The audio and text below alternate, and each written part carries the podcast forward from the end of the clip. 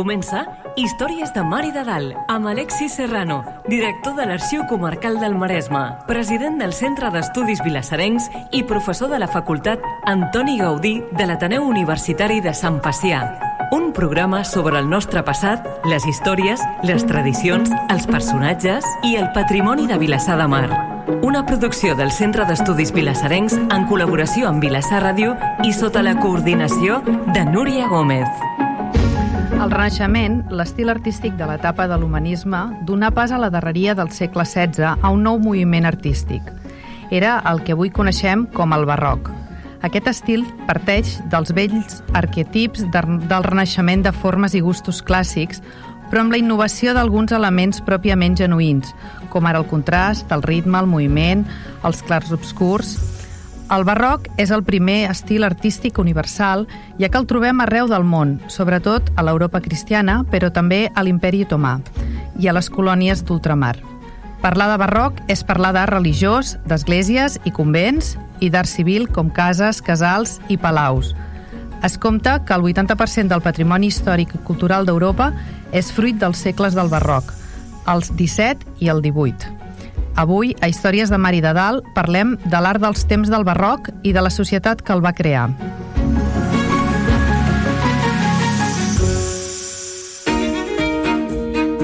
Històries de Mar i de Dalt. Entrant en matèria. Benvinguts. En el programa d'avui parlarem amb la Ruth Garcia del Barroc al Maresme. I si de cas l'Alexis ens en podria fer cinc cèntims del tema d'avui? Doncs sí, eh, deies, Núria, que avui parlaríem del barroc i de la societat que l'havia que l'havia impulsat, que l'havia fet eh, créixer, aparèixer i, i, i fructificar. I també deies que és un estil universal. Eh, realment, eh, realment sí, realment sí és el primer estil que és universal. Universal per què? Perquè és el gran... coincideix el moment de les descobertes, coincideix amb el, mo el moment de, la, de les conquestes, coincideix en el moment de, de la pretesa descoberta d'Amèrica o del redescobriment d'Amèrica, coincideix amb la posta en funcionament de totes aquestes colònies que en el futur eh, seran països independents i sobirans, però en aquest moment estan subjectes a les lleis eh, del colonialisme i per tant aquests colons porten la seva motxilla cultural amb els seus gustos artístics. I és per això que trobem eh, doncs esglésies i catedrals eh, eh, barroques al Perú, eh, a l'Argentina, eh, al Mèxic, eh, a les Filipines, una mica per tot arreu. Deies també que l'imperi otomà òbviament allà no trobem tantes esglésies, dic no tantes perquè n'hi ha, eh, però sobretot trobem mesquites, mesquites de gustos eh, abarrocats i a partir d'un cert moment també eh, mesquites de, de gustos rococó, no? De fet, n'hi ha moltes, a Estambul, per exemple, doncs que contenen tots els elements propis doncs, d'aquesta doncs, estètica, no? formes eh, recarregades, volutes, etc etc dèiem que eh, parteix de la idea del Renaixement, no? per anar d'aquella idea més o menys clàssica, no? però òbviament passada per l'òptica de la gent del barroc. I per tant, doncs, aquí s'hi afegeixen tota una sèrie d'elements, que no? el moviment, els contrastos, no? per tant, eh, comencem a veure doncs, tota una sèrie, un, un estil que difereix molt de, de l'art clàssic aquest estil, aquest estil que és universal, es perllonga bàsicament durant aquests dos segles, el segle XVII i el segle XVIII, té un epíleg que és el rococó, que segurament ja és el fulcre de, del barroc, i d'alguna manera són els, els últims estils, diguem-ho així, del, de pròpiament d'antic règim, i després doncs, ja en els últims compassos doncs, ja vindrà, donarà pas després del rococó donarà pas al, al neoclassicisme i tornarà a la llei per la llei del, pèndol, doncs tornarem un altre cop a l'equilibri, a la pretesa serenor, etc etc. I avui, doncs, per parlar-ne, eh, tenim una de les persones doncs, que, que més ho ha treballat a casa nostra, a la nostra comarca, una de les persones que més en sap i que, a més a més, que millor ho sap explicar, perquè és una persona que ha explicat moltes hores eh, al barroc, que és la Ruth Garcia. I ara coneguem a la nostra convidada d'avui. Històries de Mar i de Dalt. Coneguem el convidat. La Ruth Garcia és graduada en Història de l'Art per la Universitat Autònoma de Barcelona, màster oficial en Anàlisi i Gestió del Patrimoni Artístic. Està fent la tesi doctoral sobre l'arquitecte Josep Maria Juyol i els treballs de forja artístic. És professora universitària d'Història de l'Art, arquitectura, arquitectura moderna i art contemporani, al grau de creació artística de videojocs i jocs aplicats al, a l'Escola de Noves Tecnologies Interactives des de 2018 i també imparteix classes d'art barroc, art del segle XXI i avantguardes artístiques a Arqueonet.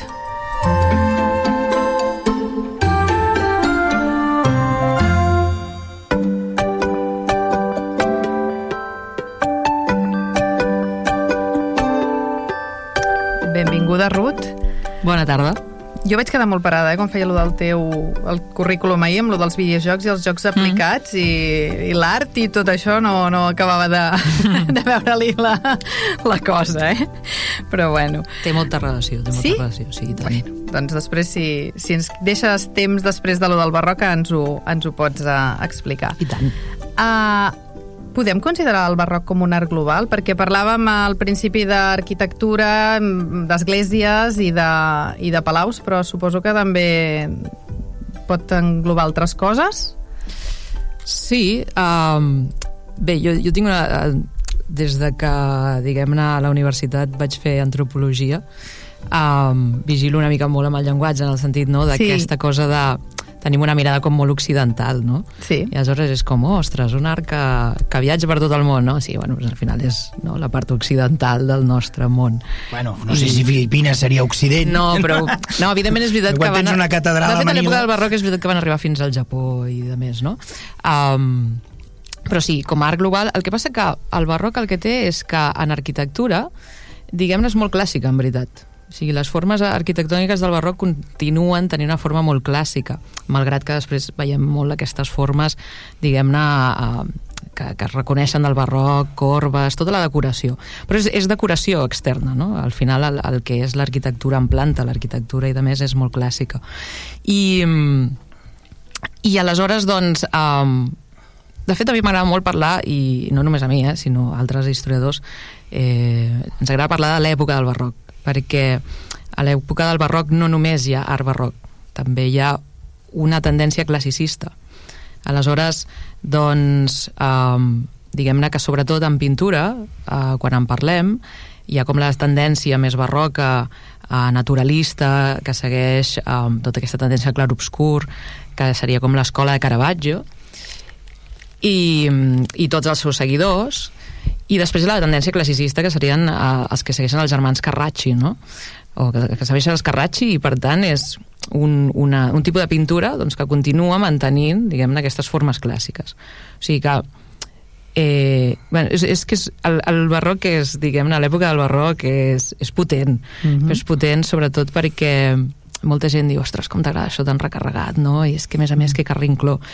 I per mi és el moment, diguem-ne, de l'època moderna que dona gairebé pas a la, a la contemporaneïtat, sobretot en el sentit de, de trencament eh, exagerat de crisi, no? Perquè hi ha crisis polítiques, hi ha crisis socials, hi ha crisis de creences, i llavors aquesta crisi explota en aquest moment amb, amb aquestes formes de l'art, no? I, I el món està canviant en aquell moment, està canviant moltíssim. I aleshores, doncs, tot això ens, ens dona pas a, al barroc, que de fet sempre a les visites guiades els hi pregunto a la gent, què tal això del barroc? I em diuen, bueno, recarregat, no? Aquí, aquí digueu adjectius. I sempre que vegin així, i és com, molt bé, la meva missió serà que després d'això potser no us continuarà sense agradar, però com a mínim l'entendrem una mica, no? Uh -huh. Perquè, de fet, un dels adjectius que li posen al barroc és que és un, que és un art lleig, no? Mm, però això suposo que això ha, ha tingut molt a veure amb la historiografia d'un cert temps, no? en el qual es va denostar tot aquest tema de l'art barroc. Llavors els historiadors de l'art del moment eh, doncs, quan veien una cosa barroca la, la ignoraven o deien que era totalment lletja, no? I això per sort ha anat canviant al llarg dels anys i per tant doncs, hi ha hagut molta gent que s'ha dedicat a l'art modern, que s'ha dedicat al barroc i que per tant va començar a valorar-lo com l'art important que és i com l'època important que és doncs, uh, per, per la nostra terra però també globalment, no? i um, és una època d'expansió, no? com deia l'Alexis, i aleshores aquesta expansió arriba a, a, a, a l'Amèrica Llatina sobretot, però altres confins, no? com, com Japó, com Filipines, etc etc. Encara que siguin no, alguns, algunes pinzellades més, a, a, però això no, no havia passat no? amb altres... Mm -hmm amb altres, eh, diguem-ne, estils artístics, podríem dir-li, o amb altres èpoques. No? De fet, el concepte barroc ja de per si té, una, té un, to despectiu. Sí. Quan apareix el concepte barroc, no? què és barroc? No? És una paraula, mm, sempre s'ha dit, no? una paraula d'origen portuguès, no? les, les perles perfectes són aquelles perles rodones, però en canvi les perles barroques són aquelles que tenen aquella forma eh, de forma, que precisament ara són les més buscades, s'ha de dir, eh? que, és que, que són més orgàniques, diguem així, més, més asimètriques.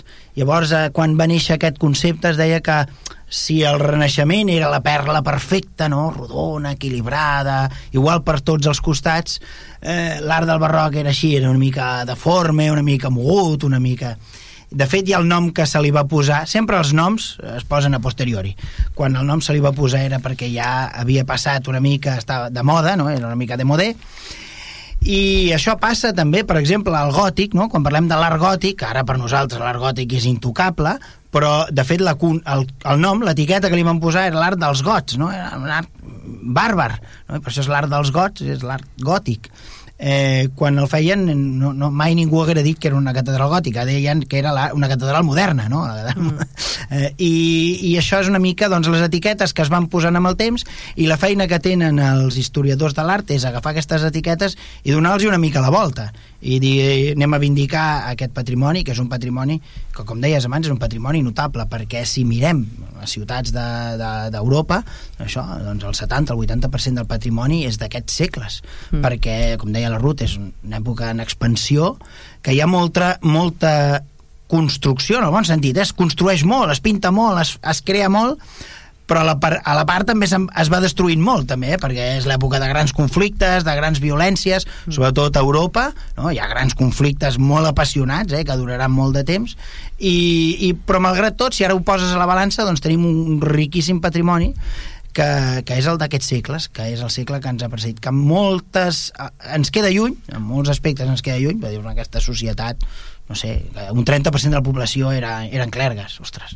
eh, se'ns fa difícil pensar que això és la nostra mm. és la nostra societat, però també és la societat en la que la ciència s'obre camí, l'estudi de l'univers s'obre camí, apareix la teoria de la gravetat, etc etc. és a dir, totes aquestes coses que ara formen part del nostre dia a dia, doncs eh, són d'aquest moment, no? I sí, és un moment doncs, de, moltes, de moltes incoherències, però com totes les èpoques, segurament. Mm -hmm. I si ens acostem al Maresme, eh, a, a Vilassar, ja que som a Vilassar, després ja tirarem cap a casa, Ruth. A Vilassar poc, a Vilassar poc. Home, l'església, no?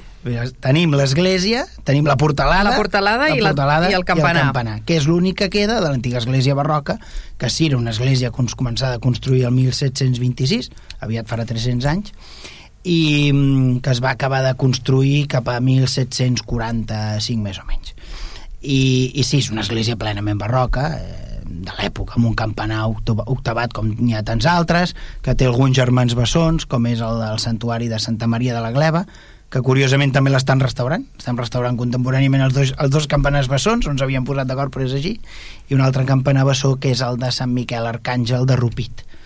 Són algunes construccions segurament del mateix arquitecte. Uh mhm. I a Vilassar ja acabem, Vilassar Mar acabem. Ara doncs llavors tirem cap a casa. I podríem no? anar a Mataró, que és una grandíssima, que és una grandíssima perla de, del barroc. Vinga, què trobaríem a Mataró? Bé, a Mataró, doncs, com a, com a capital de comarca, no?, evidentment, sí. i com a moment de l'època del barroc que coincideix amb una expansió de la ciutat, coincideix amb un moment molt important, um, doncs trobem edificis i trobem una configuració urbana, també, uh mhm. -huh. diguem-ne, que, que es, es fa precisament a, a, en aquella època tot i que ja sabem que el centre de Mataró no, prové dels orígens romans i de més, però hi ha una configuració urbana molt important de places, sobretot, no, que són de l'època del barroc.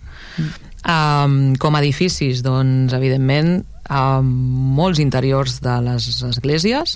En aquest cas, doncs, a la Basílica Santa Maria, per exemple, abans de la Guerra Civil hauríem trobat doncs, totes les capelles eh, ornades amb fantàstics retaules barrocs, sobretot el retaule de l'Alta Major, que el van perdre. Ens queda al retaule de la Capella del Roser, ens queda, evidentment, el magnífic conjunt de la Capella dels Dolors, que ens va molt bé per explicar precisament tota l'època del barroc.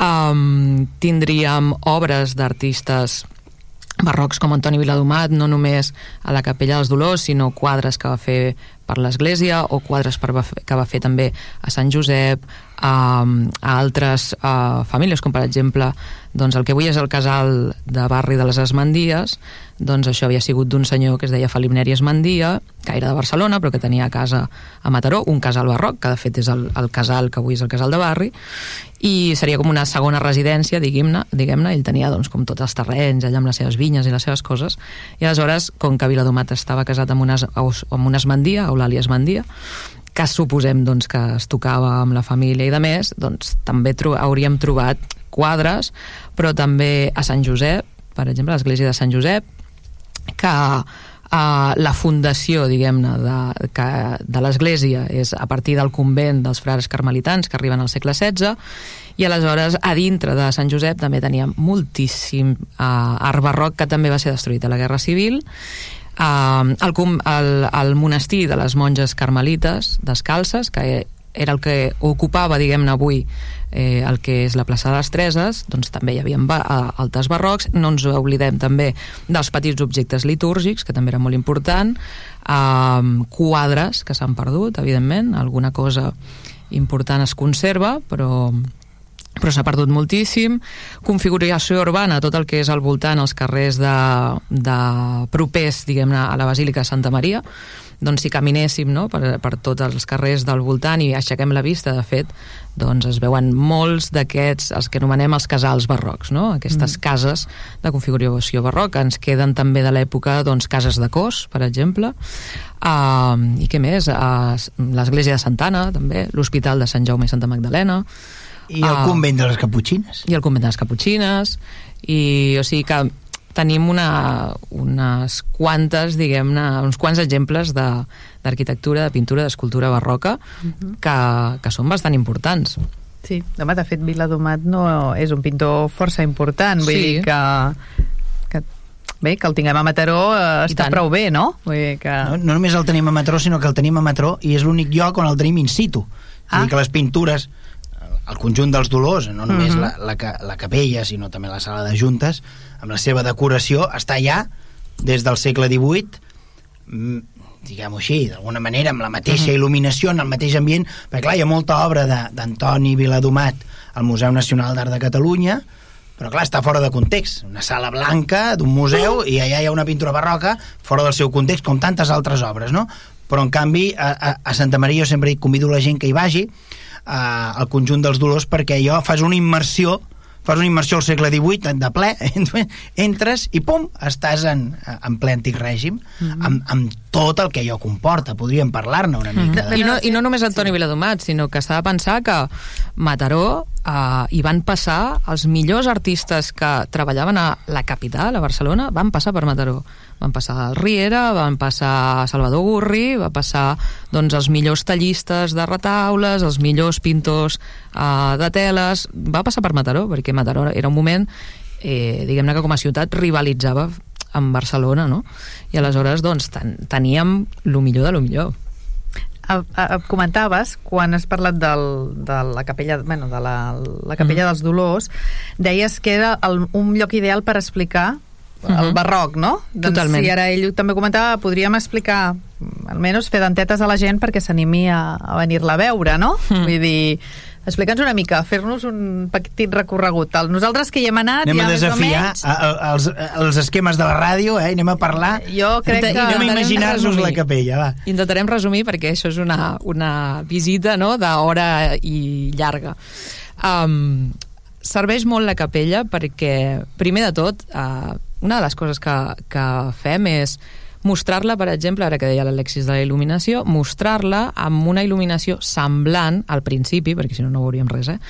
i perquè han canviat coses, evidentment, perquè hi havia unes finestres que avui estan tapades pel tema de conservació, però hi ha unes uh, llànties en les quals, doncs, uh, evidentment avui són espelmes, diguem, elèctriques, però deixem com una il·luminació molt tènue, no? sobretot perquè bé, jo considero que explicar la història no és només que jo estigui xerrant i doni dades i noms i de més, sinó que també va molt per les sensacions. Sí. I aleshores la sensació, no?, com és entrant allà, la llum que hi ha, per què, uh, quina sensació tens a l'entrar així, i després de cop, clar, com que tenim uns focus fenomenals que ni de broma al segle XVIII hauríem vist tan bé les pintures com les veiem amb allò, mm. és perquè la gent, evidentment, vegi aquest contrast, no? Perquè avui podem admirar tota la seva decoració en el seu màxim esplendor amb la il·luminació, que no era ni molt menys així, no? Sí. Bueno, són 300 i pico d'anys d'existència, de, de, per tant, mm. vull dir que s'ha anat canviant certes coses, però ens va molt bé perquè eh, si una cosa té l'art barroc o si una cosa té l'època del barroc i la gent del barroc és que l'escenografia la tenia molt per la mà i i és una mica també eh, a vegades treure el mite aquest de oh, és que la gent era com molt, molt analfabeta, no? I llavors, doncs clar, no, no, la gent vull dir, sabia passar-s'ho molt bé també i els hi encantava tot aquest tema de teatralitat hi havia moltes, la, la, moltes de les nostres festes de fet provenen del barroc no?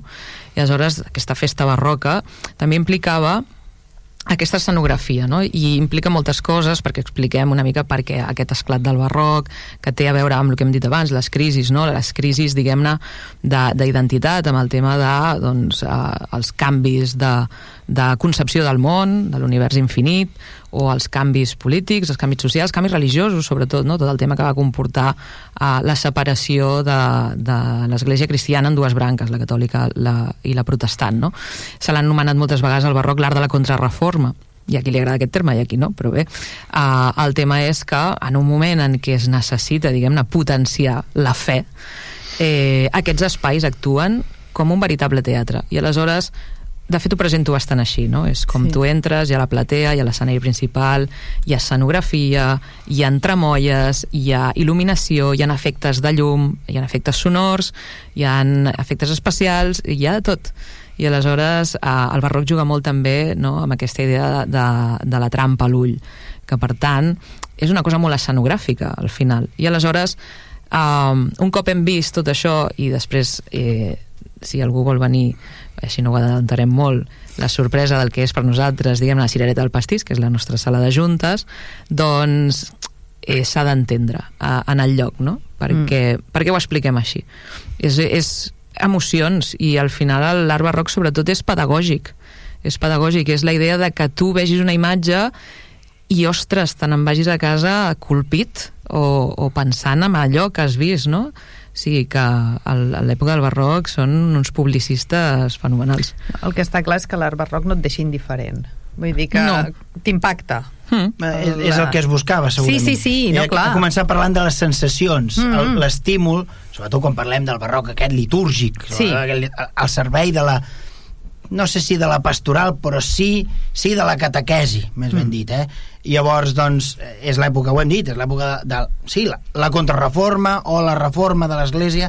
Jo sóc dels que pensa que és l'època que es reforma. L'Església s'autoreforma, s'autoreforma, és veritat, ho fa a la contra, a la contra d'uns altres que ho han fet abans, és veritat, però en aquesta reforma doncs, hi ha tot un replantejament de la música, de, de la litúrgia, de les decoracions, de les construccions, llavors hi ha tot un replantejament que segurament és el primer cop que es fa que molta gent pensant sobre un mateix tema, és el moment que més gent pensant sobre el mateix tema es posa a treballar, diguem-ho així, junta. I aquest és el Concili de Trento i per això dura tant de temps i òbviament això no deixarà indiferents a les esglésies per tant les, tot això es posa al servei de no? és una església beligerant ha patit una agressió i és una església beligerant i com que ha de combatre, és la gran època dels jesuïtes, eh? eh ha de combatre, que són els, són els guerrillers, diguem-ho així, doncs es, posa, es posen tots els mitjans i no, d'alguna manera no reparen gastos. També és veritat que les arts, les arts decoratives, quan tot es feia mai, això ha passat gairebé fins al segle XX, és a dir, a nosaltres ens sembla que ara tot costa molt, però abans tots, el, tots els oficis que es feien amb les mans, em, el cost era era molt més baix.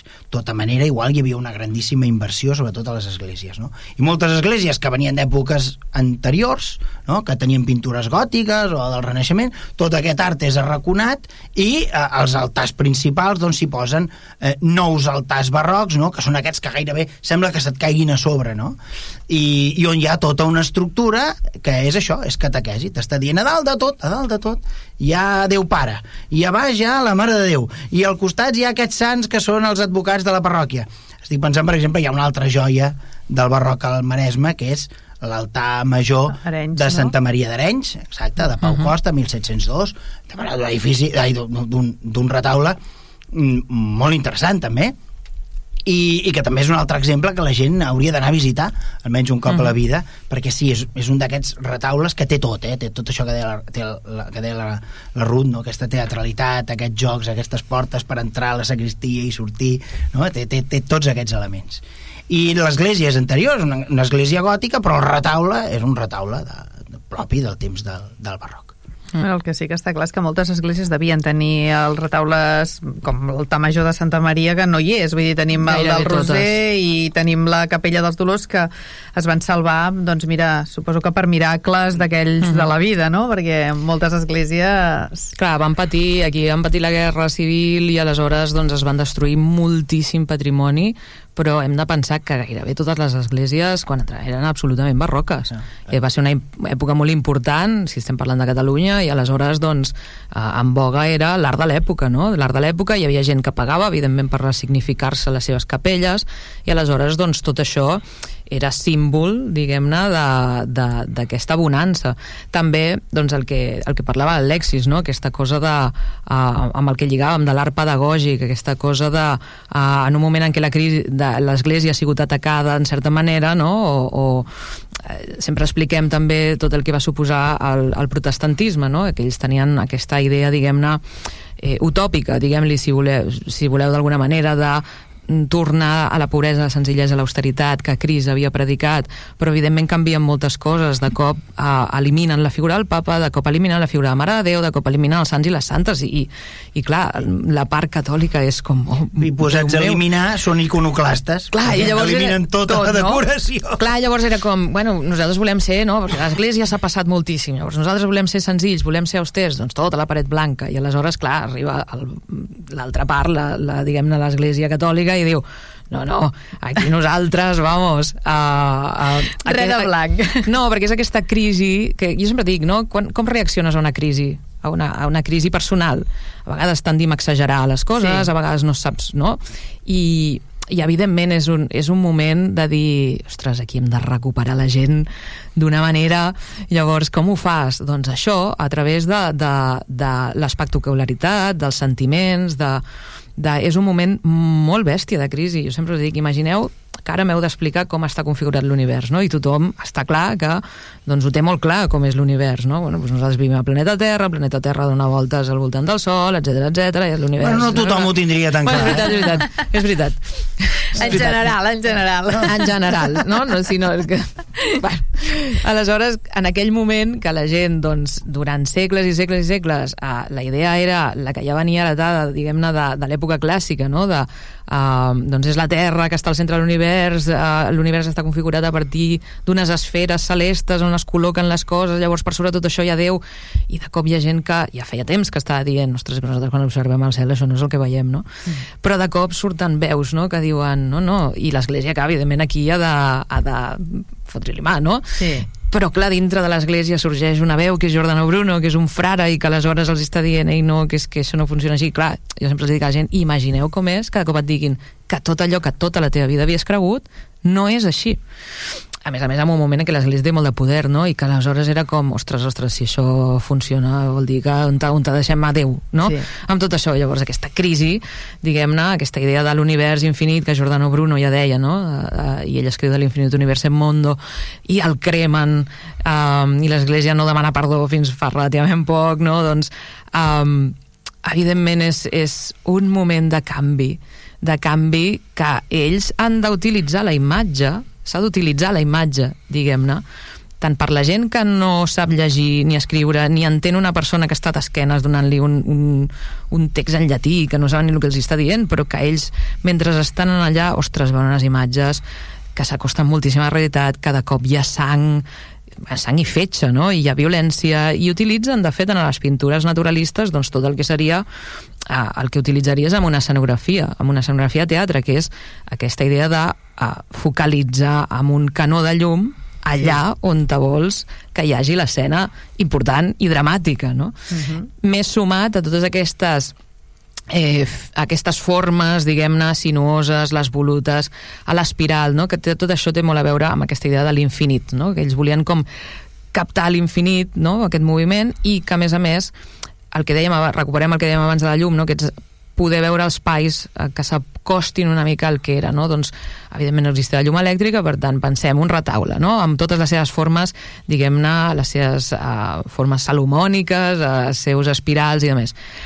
Pensem com estaven il·luminats, doncs a través de la llum de canelobres, a, a través de la llum d'espelma. La llum de l'espelma el que fa és oscil·lar, i per tant, no, aquest, eh, aquesta manera de moure's, eh, amb aquests relleus que sobresortien, que molts estaven fets de molt bona factura, doncs sembla que les imatges s'estiguin movent, com si fos un storyboard, no? I llavors tu estàs veient totes les uh, historietes, no? Doncs uh, si parlen de la presentació de Maria al Temple, doncs estàs veient com la seqüència, no? Si parlen, doncs tu veus un, un retaule de baix a dalt, no? Doncs tu veus tota l'assumpció de Mare de Déu fins a dalt, doncs ho estàs veient com una mica de moviment. Tot això són estratègies, estratègies, diguem-ne, plàstiques, que, que en el seu moment havien de, de, de ser espectaculars també és el que dic, eh? pensem que aquella gent, això de l'escenografia ho tenia molt per la mà, vull dir que uh, hi ha, per exemple, un document de les festes que es van fer uh, per Santa Teresa al segle XVII, on és espectacular llegir la que es va muntar uh, només per aquestes festes. Hi havia com una mena de concurs de carrers que feien com una mena de falles on mm. aquestes escenografies que feia cada carrer doncs, es movien, per exemple n'hi havia una doncs, que sortia el dimoni representat com un drac i llavors la santa disparava una fletxa i llavors allò s'encenia, bueno, bueno, era una cosa espectacular llavors aquestes escenografies tan populars o dintre de l'església on fos vull dir que no hem de pensar que era gent que era avorrida no? i que, que no sabia fer res, no? Vull dir que, que, no. que era espectacular. De Tot. segur que, que amb les seves limitacions, no? Perquè no estem parlant no, possiblement està molt més currat que ara que ho pots fer-ho tot amb un ordinador, no? I, possiblement, sí, eh? però Vull tampoc dir... era una època molt endarrerida. Pensem no, que la no, gran tecnologia gens. de l'època és, la, és la, la indústria del rellotge. Mm. I precisament, i precisament la nostra comarca és un dels territoris on es fabriquen més rellotges de Catalunya. Eh, es fabriquen mm, a Arenys de Munt, per exemple, és un lloc de fabricació de, de rellotges, amb rellotgers importants. A Mataró hi ha, hi ha artesans del rellotge i és la gran indústria de la tecnologia al moment. Després semblarà que només són els suïssos els que han fet rellotges tota la vida, però, però Catalunya, Catalunya tenia un, un punt destacat en la, en la fabricació de... La nostra comarca feia tecnologia punta amb rellotges i amb vidre que és l'altra gran tecnologia, el vidre transparent, el vidre bufat, eh, doncs el Maresme era un lloc que, que estava a la punta de la llança, també per la proximitat amb Barcelona, la possibilitat doncs, de vendre els teus productes, clar, mm. no val res tenir una indústria si no tens aquí col·locar els teus productes, no? Mm. Eh, però també és veritat doncs, que és una època que el Maresme s'obre al mar, eh, perquè el Maresme eh, comença a comencem a trobar maresmencs a, a Amèrica eh, surcant el 7 març precisament doncs, a, a mitjan segle XVIII, en els últims moments d'aquest època del barroc, per dir-ho d'alguna mm. manera, no? Eh, i, tenim, I tenim una economia que sobre el mar, tenim una exportació dels vins, dels productes de la terra, bàsicament bàsicament a casa nostra del vi, també una mica de l'aiguardent, però també les puntes, les randes, aquestes càrregues eh, complementàries, i per tant, doncs, eh, d'alguna manera també el Maresme participa d'aquesta expansió d'idees que corren una mica avall, amunt i avall. I, i tot això és aquest món, i aquest món pot semblar lluny, però d'alguna manera és el nostre món. Mm. Quan, fas el, quan fas el teu arbre genealògic, de seguida trobes gent d'aquella mm. època, al segle XVIII, al segle XVII, mm. és, és relativament freqüent veure la gent amb els teus mateixos cognoms eh, en aquella època. I artísticament parlant també el, el contacte que tenien amb el que seria, diguem-ne, l'epicentre del barroc, que és Itàlia, no? Aquest intercanvi artístic amb, amb molta gent provenent d'Itàlia. A, a Itàlia tenim unes magnífiques eh, quadratures no? en els sostres de les esglésies que ens estan enganyant amb aquelles perspectives impossibles, no? aquesta idea d'enganyar de, de, de l'ull, de la trampa a l'ull que són unes perspectives que a vegades no saps on, ta, on ta hi ha, diguem el material real, arquitectònic, i on comença o acaba, i aleshores aquí, bueno, no som Itàlia, no? però Mataró, eh, doncs aquest contacte amb alguns artistes, trobem, per exemple, en la Capella dels Dolors,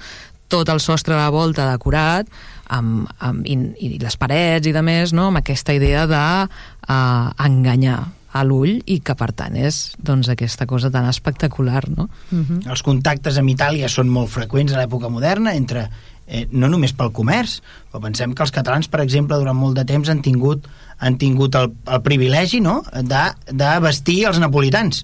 Mm. Nàpols és la primera ciutat de l'època moderna que arriba al milió d'habitants, eh, perquè a, a Nàpols hi viu molta gent, i per tant vestir a un milió d'habitants, això ho feien els, els penyers, no? els fabricants doncs, de, de, de teixits de, de Barcelona, bàsicament, eh, i per tant hi ha un contacte directe amb Nàpols, perquè havia format part, forma part de la, de la corona, primer de catalana, aragonesa, digueu-li com vulgueu, després formava part de la, de la monarquia hispànica, per tant hi ha un territori d'Itàlia que és molt més proper als estats pontificis, que és el, el regne de Nàpols, que a més a més és un regne catòlic que ho serà sempre, no deixarà mai de ser-ho, i per tant molt proper al, al papat, i, i per tant ens, ens arriba tot això i no, no debades eh, no? I, mm -hmm. i mhm. podem buscar alguns, alguns personatges concrets no? com Caravaggio, que Caravaggio s'escapa de Roma dels estats pontificis va a Nàpols, a Nàpols també la lia perquè era un tio que es ficava en tots els merders possibles i d'allà se n'anirà fins a Malta no? i a mhm. Malta doncs els cavallers de Malta li diran bueno, si ens pintes algunes coses mm -hmm. no li direm al papa que estàs aquí bueno, i, i, i, de, i de Nàpols de Nàpols ve una línia d'aquest barroc, no? una, una, aquesta línia clar-obscura, perquè, clar, Caravaggio genera un impacte, no? i llavors a, a nosaltres ens arriba, però la cosa curiosa, no? quan parlem d'aquesta universalitat del barroc, és que la gran catedral de Londres, eh, Sant Pol, és una catedral barroca, quan tothom pensa en, en Londres, en el Regne Unit, pensa en aquelles construccions gòtiques i després neogòtiques, no? Tant de l'època de, la, de la reina Isabel com de la reina Victòria, no? Doncs penses en, en el gòtic i en el neogòtic. Però, en canvi, plas, la gran catedral, i ho hem vist ara que hem vist funerals d'estat, que ens hem afartat de veure funerals d'estat, doncs resulta que la gran catedral és una catedral barroca que tu dius, això seria més propi d'una construcció que, que això, el lògic seria que estigués a Roma, no? I en canvi, plos, està al centre de, de Londres. I a Londres no hi ha gaire més barroc que aquell, però Sant Pol és la gran construcció barroca del Regne Unit, de la Gran Bretanya, i està allà enmig. I, i té un punt crucial per la vida, diguem així, espiritual o simbòlica dels britànics encara a dia d'avui, no? Mm -hmm. No, no, déu nhi eh? El, el barroc mm. el tenim a molts llocs, eh? Sí, barroc i rococó, i clar, sempre parlem, Molt de fet, no ens en recordem mai d'Alemanya, no? Del, en el seu moment, que no era Alemanya, no? diguem-ne que estava doncs, distribuïda, encara separada. Prússia. Sí. El, després... diríem Prússia per aproximar-nos. Va, diríem, no? Però el que vull o sigui, com que Alemanya és l'epicentre, diguem-ne, del protestantisme i per tant, no? que s'elimina tot, mm eh, ostres, eh, quan viatges i veus tota la part bavaresa, no?, amb aquelles construccions, bueno, sobretot la, la... Clar, per fora no ho sembla, no? Però es queda una mica com, com lluny amb estil, però quan entres i veus aquells espais barrocs eh, i rococó, no? espectacular, penses, uau, què ha passat aquí? Clar, evidentment, doncs ells es van mantenir, diguem-ne, dintre de, del cristianisme catòlic i aleshores fan unes esglésies espectaculars, però a pobles petits que estan enmig dels Alps allà i entres en una església d'un poble petitíssim i dius, uau, què ha passat aquí, no? I aleshores és això, és... és... I tens palaus com Sant Susí, no? Mm -hmm. Per mm-hmm. exemple, i tens... Grans residències... Clar, clar, i, i bueno, sí, res a envejar a Versalles, però també te'n pots anar te'n pots anar a Rússia i ho trobaràs exactament igual, a Peterhof, no? A, a Sant Petersburg. Eh, però és que és una, una demora que fan uns jardins barrocs, només té una salvetat, que és que la meitat de l'any estan les fonts gelades, però bueno. Portugal és espectacular, Portugal, també, que molta gent a vegades no se'n recorda, i és com, oh, Portugal és espectacular amb el barroc, un barroc, Home, buf, sí, sí. increïble. És la gran època, el marquès de Pombal, al segle, al segle XVIII, i tornem a ser... És la gran època de l'esplendor comercial de, de Portugal, juntament amb, amb Anglaterra i Holanda. Són les tres potències del segle XVIII, eh, tenen uns imperis i clar, a les, a les metròpolis reporten una gran riquesa que s'inverteix. Mm. Concretament, el cas de Portugal en pateixen un terratrèmol molt important, mm. la major part de les ciutats queden devastades, s'ha de fer tot ex nihilo Mm -hmm. i tot es fa al gust de l'època. Mm -hmm. I el gust de l'època és, És no pot ser un altre que aquest. -hmm. I una ciutat com Lisboa, que és feta d'escales infinites, que aquest és el recurs ideal per un urbanista bar barroc, no? Eh, Perquè aquests jocs, aquests punts de fuga, no? Una mica com la plaça d'Espanya de, de Roma, no? Aquelles mm. escales on fan, de tant en tant veiem les modelos que baixen, perquè òbviament l'escenografia és perfecta, mm. doncs a Portugal doncs, també ofereix, eh, justament en aquesta època, un terratrèmol, s'ha de fer tot de nou, tens molts diners Mm -hmm. i ho encarregues als millors de l'època. Porto, tota la zona del nord... I ja després, doncs, evidentment, travessaries l'oceà i ens aniríem a Amèrica Llatina, que hi ha també, doncs, molta història del A part de barroc. gent de Vilassar, eh? perquè estan a tot arreu. I de Mataró. I de Mataró, també, que també te'ls trobes a tot arreu. um, esteu, esteu parlant de que um, hi ha molt caler i és l'època del barroc, per tant se'ls gasten amb, amb que es vegi, no? A part de que jo de totes... mm, Abans estava pensant, eh, quan em deies lo de les llums que allò es Mhm. mou, jo em crec que em sortiria per potes, eh? Perquè No. em faria por, eh? No, home, no. No? Vols dir que no? No. Hi ha molta gent, eh, li té por aquestes coses, de dir, ai, és que quan entro aquí és com que... uf. Home, a veure, depèn. A mi m'agrada m'agraden les coses oscures i la sang i el fetge, per tant, vull dir que cap problema, però també, clar, veníem molt acostumats. L'època del Renaixement és tot tan cortesà. Sí. I Tan tan, tan humanista Tan- i tan, tan perfecte. No, no hi ha sang, no hi ha ni una gota de sang. Al gòtic encara podríem veure alguna decapitació, Sí, sí, però, sí. clar, com que és aquesta forma així com una mica, diguem-ne, irreal, no? Però en canvi, clar, arriba el barroc i és de, bueno, si aquí es talla el coll, surt la sang com si fos una pel·lícula gore.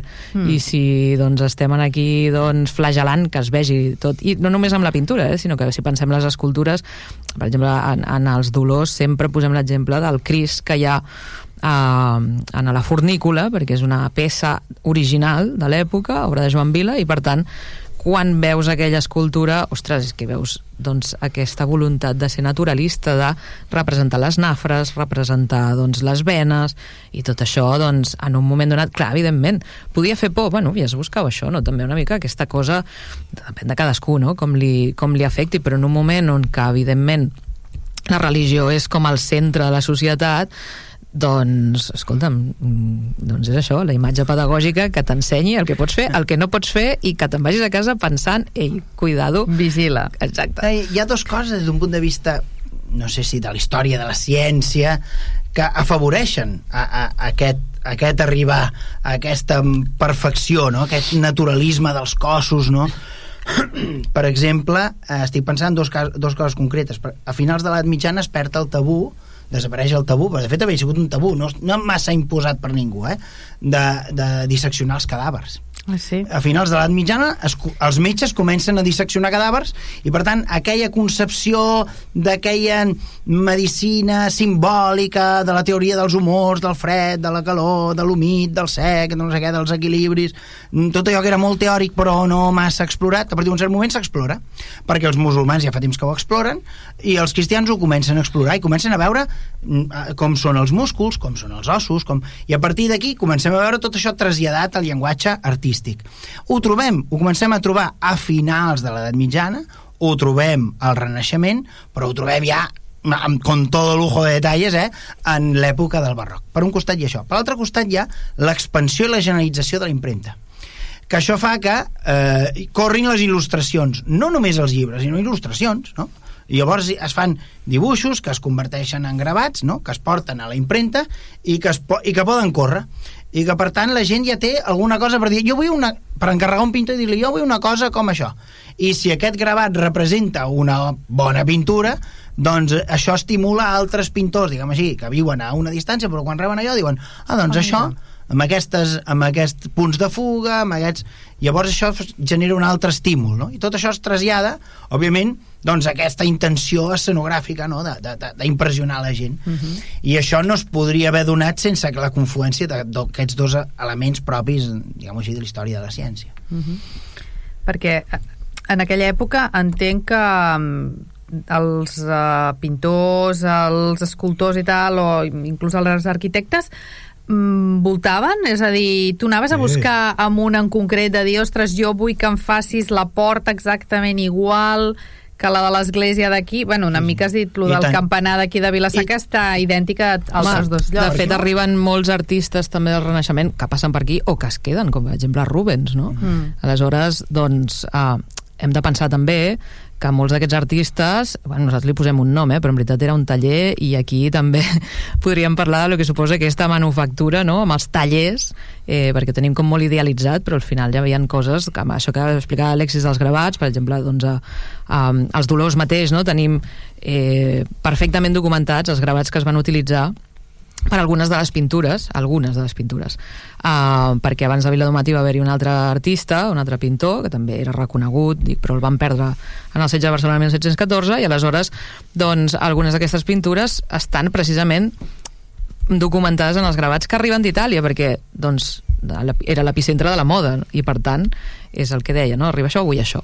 Aleshores és, és maco, no? també aquesta connexió que tenim a, eh, amb algunes obres que directament tu pots anar a Roma, entrar en una església i dius, ei, això ho tinc jo allà. Mm. Um, I després aquests pintors, uh, no només els italians, sinó és això, no? doncs t'arriba un pintor que es queda a la cort espanyola i que comença doncs, a fer retrats de l'aristocràcia del moment, a fer, doncs, diguem-ne, tota la seva, el seu ventall d'obres i que, per tant, doncs, evidentment és com et ve el, el personatge de moda, no? O sigui, mm. que això crea escola i generen un impacte i llavors ensenyen a gent que són els seus col·laboradors i llavors a partir d'aquí doncs, cada vegada és més difícil distingir allò que ha fet el mestre d'allò que ha fet eh, l'alumne, diguem-ho així, no? l'aprenent, i sí, clar que es movien els, els, els artistes i es, es, es movien tots, els que feien els arquitectes, diguem així, els que es van especialitzar en arquitectura, com els que feien pintura. També s'ha de dir que encara durant els primers compassos de l'època del barroc mmm, els, autor, els artistes una mica tot terreno no? que diuen els italians els uomo universale que tant te fan una església com et pinten la pròpia església com et fan el programa d'escultures no? eh, és veritat que a partir d'un cert moment la cosa es va especialitzant i cada vegada trobarem més oficis no? i trobarem, per exemple, a l'hora de fer un retaule trobaràs que tens un contracte amb el escultor, un altre amb el fuster que et construeix tota l'arquitectura, però després un altre amb el daurador. Dius, ah, com pots, que, que no era el mateix que ho feia tot? No. Hi havia oficis i, òbviament, això... Clar, i, òbviament, cadascú treballava millor, el que treballava millor el pador, doncs, era daurador i, i, i l'únic que feia era daurar. I llavors, doncs, anem veient com es va movent i com trobes en els contractes que alguns eh, artistes treballen més amb uns altres, però altres vegades doncs, se separen, després tornen a trobar... En fi, la llei de l'oferta i la demanda. No sempre mm. s'estaven construint esglésies i convents i, i, i monestirs, i per tant doncs, la gent s'anava un moment en funció de qui et pagava. Mm -hmm. I per això és normal veure doncs, una família com els Morators, que probablement van fer l'església de Vilassar, doncs es veu com oriuns que són de la zona d'Osona, tenen obra a la zona d'Osona, però també a Mataró, també a Pineda, també a Vilassar, perquè aquesta gent es va movent en funció d'allà on són requerits.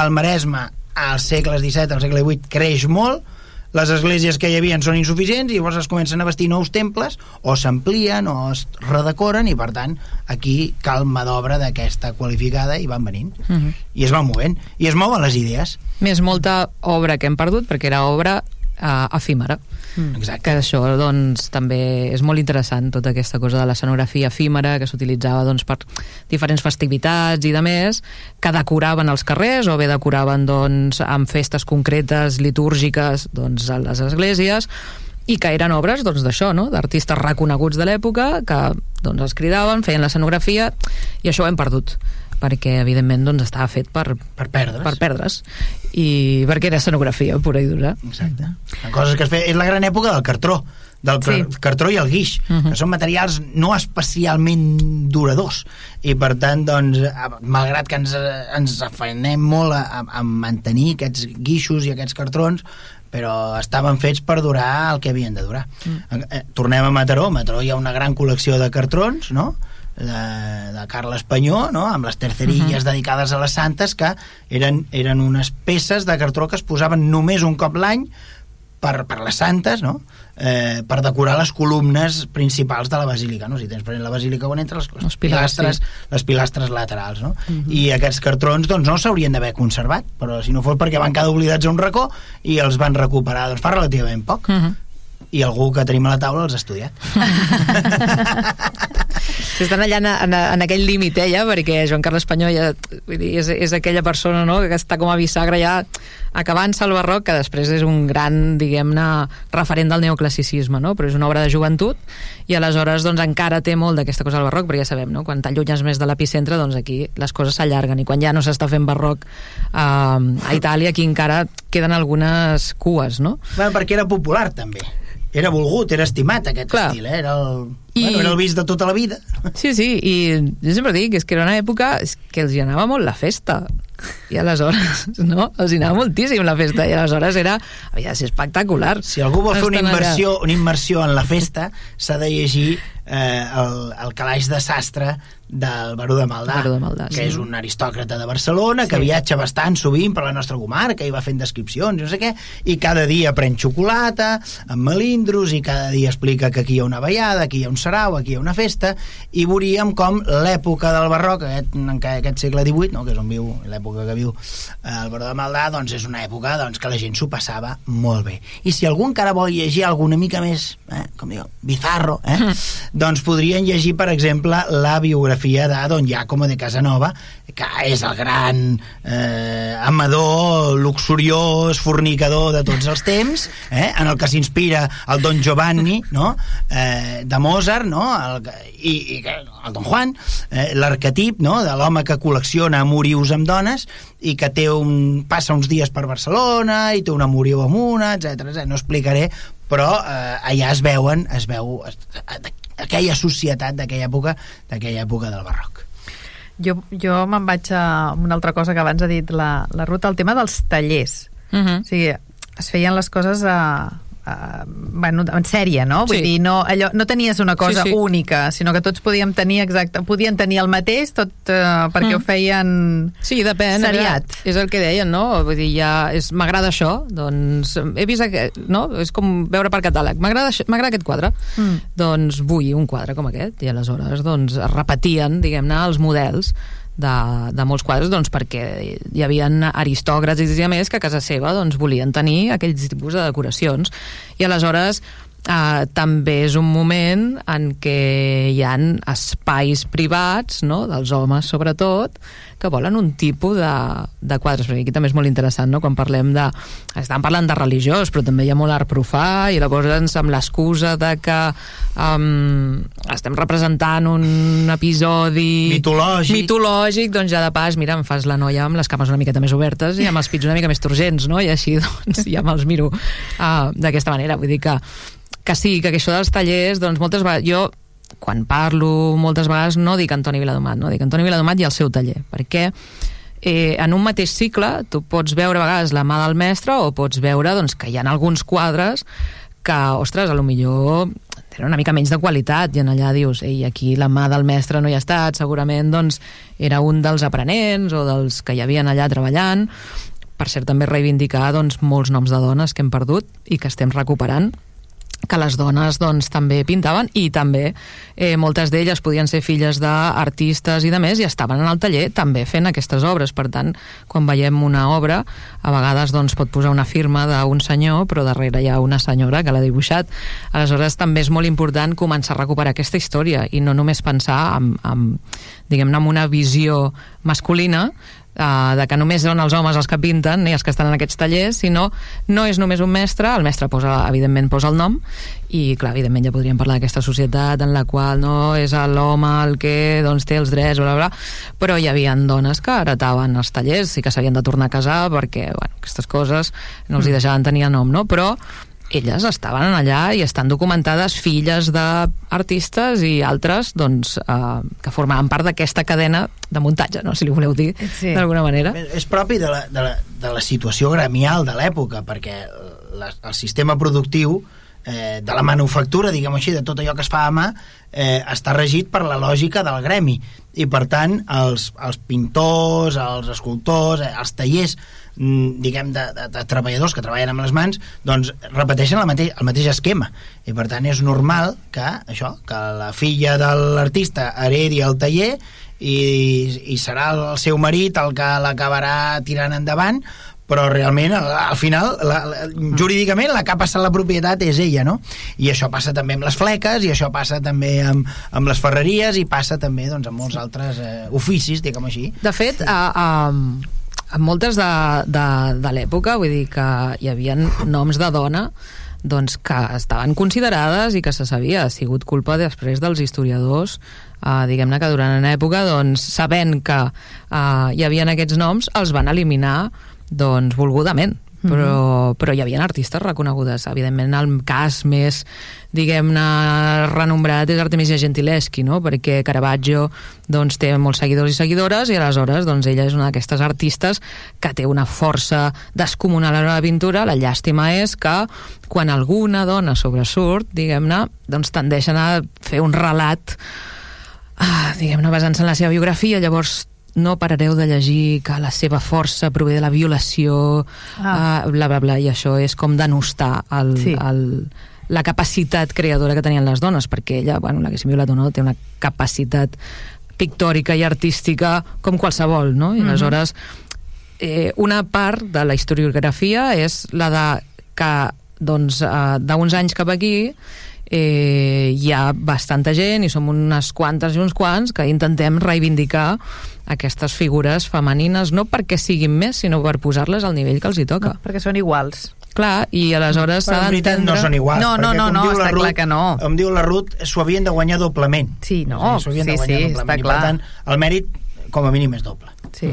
Sí, sí, però el que sí que està clar és que no és perquè siguin millors o pitjors, Ah, no, sinó no. perquè són iguals, Ah, vull dir, senzillament I és posar-los al seu lloc. Estaven reconegudes, no? Sí. Però, doncs, en algun moment, algun historiador decideix, bueno, se sap els noms i molts i de més, però decideixen a, eliminar això quan, quan estan totalment documentades. Però bé, això ho canviarem, ho anem canviant Anava, a poc a poc. anava a dir, això se't va canviant, sí, sí, sí, sí. no? Vull dir, anem canviant, anem canviant. Quan estem sí. ja donant classes, doncs ja som molt conscients i el que nosaltres no ens havien explicat uh, a la universitat, ara nosaltres doncs, li donem força i estem intentant, almenys com a mínim, eh, canviar el discurs i, i que les noves generacions doncs, aprenguin el, el, més globalment, no? Uh -huh. I és el que dic, eh? no, no és ni passar per sobre ni, ni fer més, no? Senzillament és, ei, això estava aquí i Sí. intentem buscar, diguem-ne, l'equilibri que tocaria. L'únic que s'ha de fer als alumnes quan estàs impartint la classe és dir això podria ser una pregunta d'examen, llavors...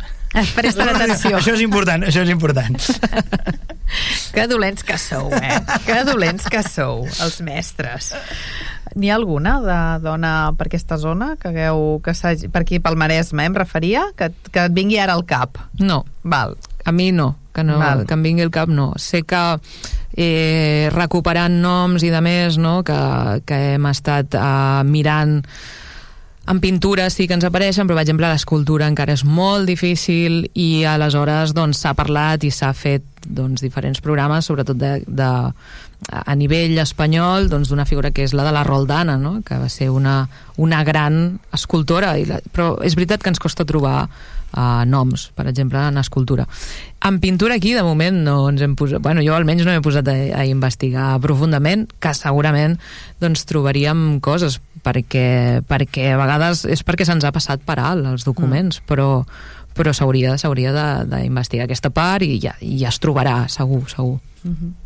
Se'ns ha acabat el temps. No sé si hi ha alguna cosa que diguis amb tot el que hem xerrat, mm, aquesta gent no hi hem pensat a dir-me això. Hi ha tantes coses, perquè de fet, quan, no, quan el, els que venim de història, història de l'àrea, a més, sempre tenim, Tenim coses... rotllo per estona. No acabaríem mai. I tot és Molt bé. important, no sabem retallar. Exacte. doncs ja ho deixem aquí. Molt bé. Moltes gràcies. A vosaltres.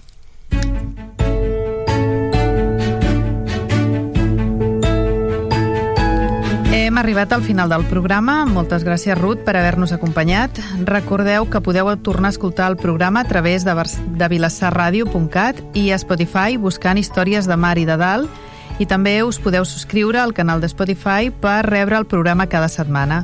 Adeu i fins al proper programa. Històries de Mar i de Dalt, un programa sobre el nostre passat, les històries, les tradicions, els personatges i el patrimoni de Vilassar de Mar. Una producció del Centre d'Estudis Vilassarencs en col·laboració amb Vilassar Ràdio i sota la coordinació de Núria Gómez.